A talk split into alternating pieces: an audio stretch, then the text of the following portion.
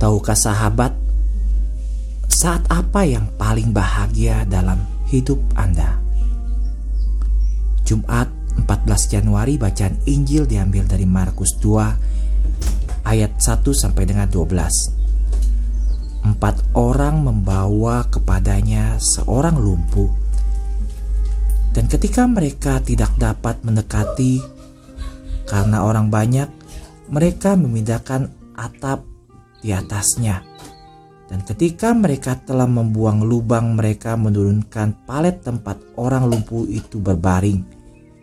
Dan ketika Yesus melihat imam mereka, dia berkata kepada orang lumpuh itu, "Anakku, dosamu telah diampuni." Sekarang beberapa ahli Taurat sedang duduk di sana, bertanya-tanya dalam hati mereka, "Apa orang ini berbicara seperti itu. Itu adalah penghujatan. Siapa yang dapat mengampuni dosa selain Allah sendiri? Iman teman-teman si lumpuh itu membantu mereka mengatasi setiap kesulitan untuk membawa orang itu kepada Yesus.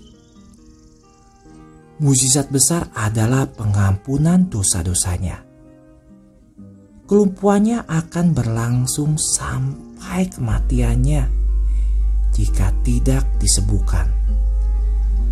Tetapi jika dosa-dosanya tidak diampuni, dosa-dosa itu akan berlangsung selama-lamanya. Pada bulan Agustus 1917, Bunda Maria dari Fatima mengatakan kepada anak-anaknya, banyaklah melakukan korban untuk orang-orang berdosa.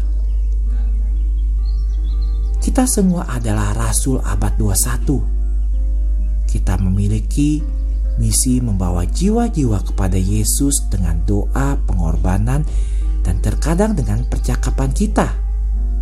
Kita memiliki iman seperti teman-teman si lumpuh itu kita akan membuat mukjizat pertobatan menjadi mungkin.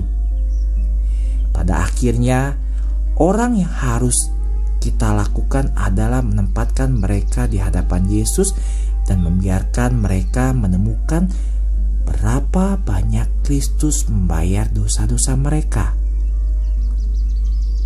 B. Alvaro ditanya kapan saat-saat yang paling bahagia dalam hidupnya.